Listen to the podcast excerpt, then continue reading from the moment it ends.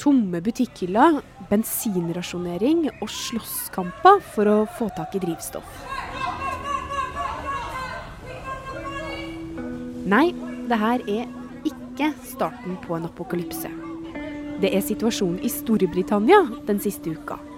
For landet opplever akutt mangel på bensin og diesel i bensinpumpene. A shortage of truck drivers is driving a fuel. Bensinkøene vokser, og hamstring er blitt et eh, stort problem. And in spite of the placatory words and excuses from the authorities, it's getting messy. Og butikkhyllene tømmes for enkelte varer. Men hvorfor? Du hører på Forklart fra Aftenposten, og jeg er Marit Eriksdatter Gjelland. I dag er det torsdag 30. september.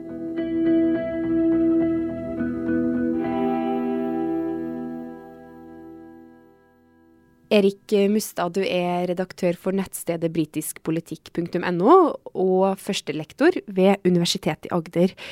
Hvor alvorlig er bensinkaoset i Storbritannia? Storbritannia går nå gjennom en midlertidig krise, men uh, dette er kanskje um, symptom på en enda verre krise som kommer etter hvert. Men vi starter med den midlertidige krisa, og den har en del å gjøre med denne mannen. We'd have had the consolation of watching the speaker being forced to eat a kangaroo testicle. And Britenes statsminister Boris Johnson, som i flere år har kjempa for brexit. let's get Brexit done.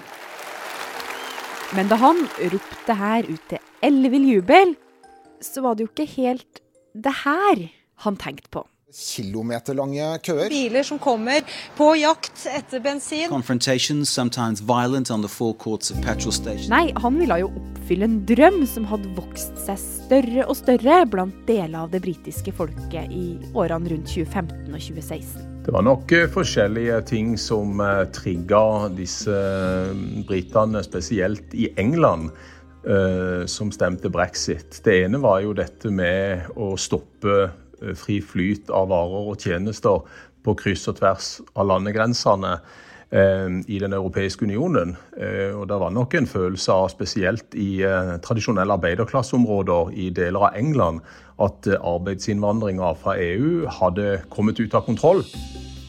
For gjennom EU sin ordning med fri flyt av varer og tjenester, så jobba tusenvis av EU-borgere fra land som bl.a. Polen, som lastebilsjåfører og i andre lavtlønte yrker i landet.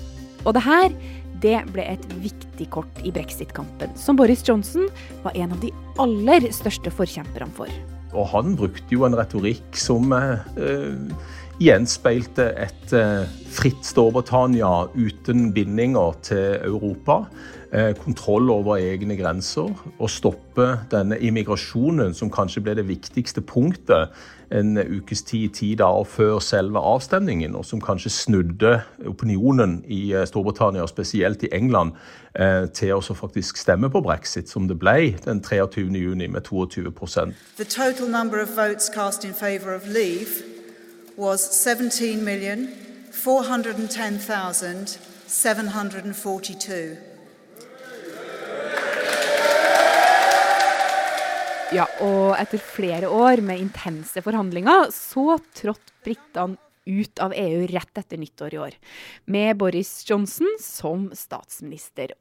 Og hvordan var det han solgte inn da, det nye livet utenfor EU? Ja, Boris Johnson har vel vært ganske klar på at han ikke så for seg de store skjærene i sjøen etter eh, brexit ble fullbyrda. This is not an end, but a beginning. Men utmeldelsen av EU, den har ikke gått like smertefritt som Johnson forespeila britene. For skjær i sjøen, det har det definitivt kommet opp etter at de gikk ut av unionen i januar. Først så mista mange av EU-arbeiderne i Storbritannia arbeidstillatelsen sin. En rekke av disse fremmedarbeiderne som de ble omtalt som i Storbritannia, de eh, kunne jo ikke få den samme arbeidstillatelsen etter brexit som de hadde hatt under medlemskapet i EU. Så det begynte jo allerede i januar-februar å være problemer på leveringssida.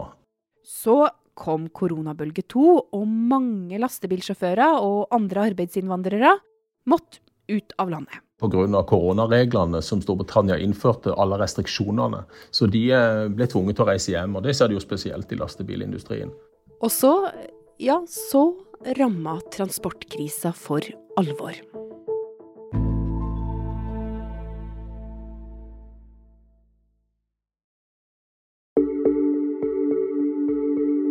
Jeg leser norske nyheter før engelske, så jeg fikk jo vite det først på, gjennom norske aviser. Eh, og så så jeg det jo på engelske aviser også, og så merket vi det selv.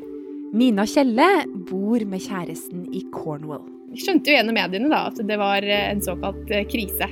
Cornwall det ligger helt sørvest i England, og pga. store avstander og litt dårlig kollektivtilbud, så er innbyggerne rett og slett helt avhengig av bil. For å på en måte gjøre storhandel og komme oss på trening og rett og slett eh, se kjente og nære. Og for å på en måte komme oss ut, så er vi nødt til å, nødt til å ha bil, altså. Hver dag så tar Mina og kjæresten den lille, mørkeblå Golfen sin ut på tur. Men sist fredag nådde Englands drivstoffproblemer også Cornwall.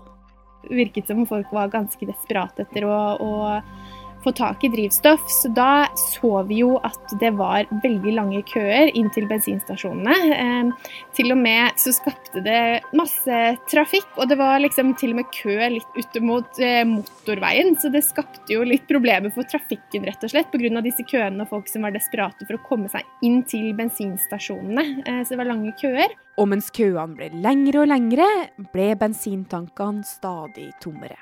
Og på lørdag så hadde mange av bensinstasjonene i Cornwall stengt. Det var rett og slett tomt.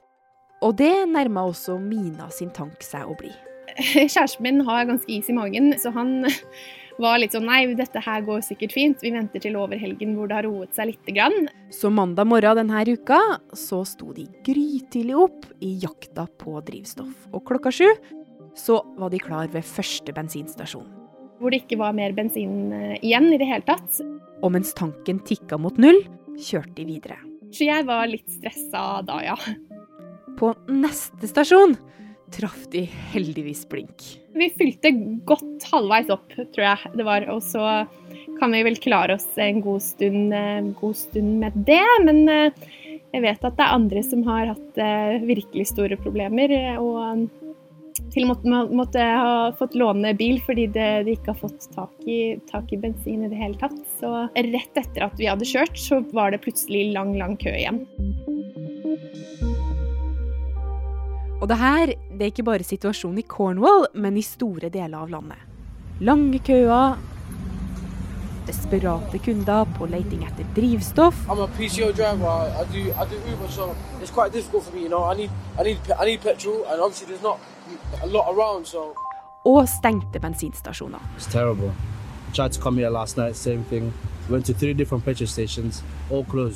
Dessuten så er også flere butikker tom for enkelte matvarer. Men Erik Mustad, altså, hvorfor skjer det her akkurat nå? Det er jo disse to overhengende tingene, eh, covid-pandemien eh, og brexit.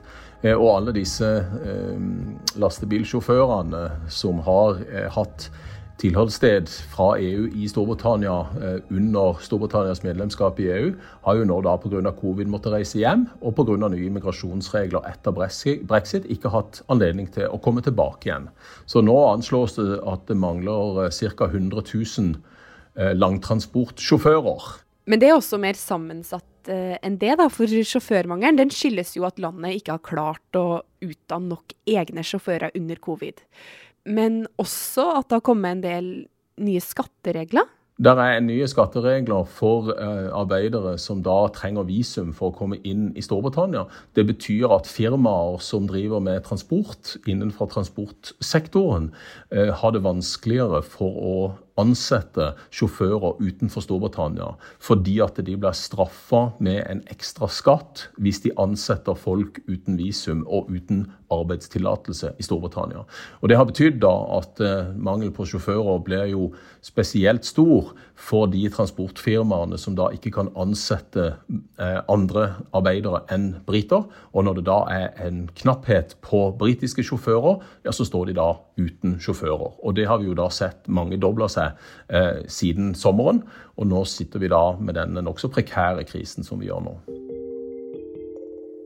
Selv så skylder den britiske regjeringa på folk som hamstrer bensin i frykt for å gå tom. Og det er jo heller ikke feil, for panikken har bredd seg ettersom meldingene om leveringstrøbbel har kommet. Da må alle til bensinstasjonene for å få fylt opp bilene sine, fordi at de er avhengig av å kjøre til jobb. Eh, det er det nasjonale helsevesenet som er avhengig av ambulanser osv. Så, videre. så de er avhengig av drivstoff, veldig, veldig mange. Og hvis dette sprer seg raskt rundt forbi i Storbritannia at nå er det mangel på drivstoff, ja da valfarter jo alle til bensinstasjonene. Det er ikke knapphet på drivstoff i lagrene i Storbritannia. Men det har jo altså da vært knapphet på sjåfører som kan kjøre tankbiler med bensin og drivstoff til bensinstasjonene. Så det er jo der flaskehalsen har vært. Når det gjelder matvaremangel og, og, litt varemangel i enkelte varemagasiner og butikker i Storbritannia, så er jo dette også pga. at det ikke er sjåfører til å kjøre ut varer fra varelagrene. Så her haster det egentlig da å finne en løsning. men men hva blir det, da? Ja, altså Løsningen blir nå på kort sikt å utstede midlertidige visa for en kort periode, sånn at EU-sjåfører igjen kan komme til Storbritannia både med oppholds- og arbeidstillatelse for å hjelpe på denne krisen. Og det andre er at det militære settes inn antagelig i løpet av dagen eller morgendagen for å spesielt kjøre drivstoff til de utsatte bensinstasjonene som ikke har fått nok tilgang på drivstoff. Men du, hvorfor ber de ikke bare EU om hjelp, da?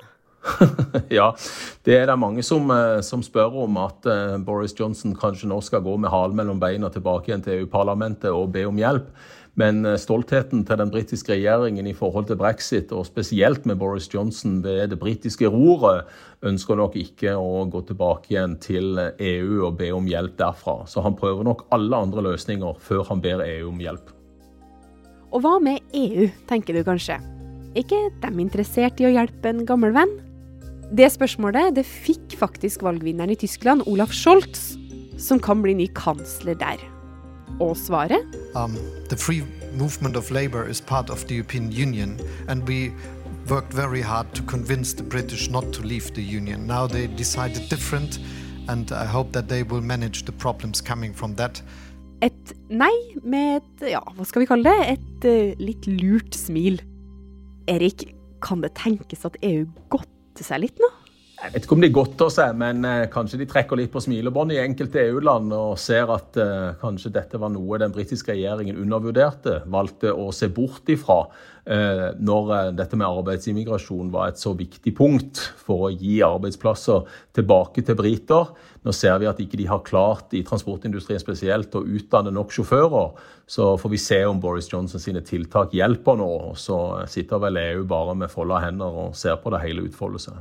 Og du, den situasjonen vi har sett da de siste dagene, med slåsskamper på bensinstasjoner, lange, lange køer for å få fylt opp tanken det her det er jo noe helt annet enn det Boris Johnson forespeila britene da de gikk ut av EU, med utsagn som 'This is the beginning'. This is not an end.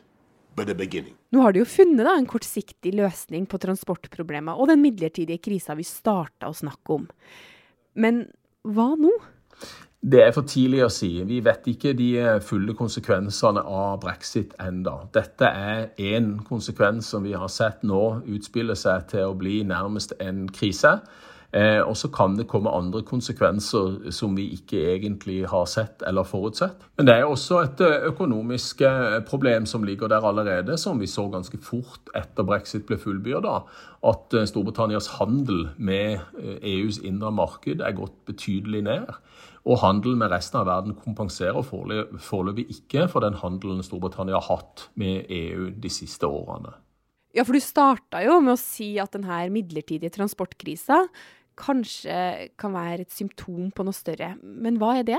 Det er jo eh, eventuelt en økonomisk nedgang uh, over lang tid.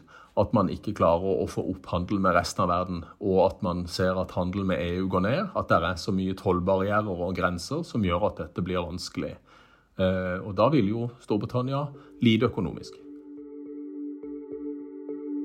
Og Mina, i Storbritannia så har det jo blitt advart om at transportkrisa den kan skape leveringsproblemer helt til jul, den, om det ikke blir løst noe med en gang. Hvor viktig er det da, å få løst problemene til da? Nei, jeg tenker jo det er eh, veldig, veldig viktig. Det er jo noe med den å slippe å gå rundt og føle på bekymring over eh, lengre tid, men også eh, særlig rundt eh, juletider, hvor jeg tror eh, de fleste briter ønsker å få en litt normal jul som mulig etter, etter, noen, etter, en lang periode med mye usikkerhet. Så tenker jeg at det er viktig både at man får, sett, får dratt og sett familie, men også få tak i det man, eh, det man, det man trenger, da.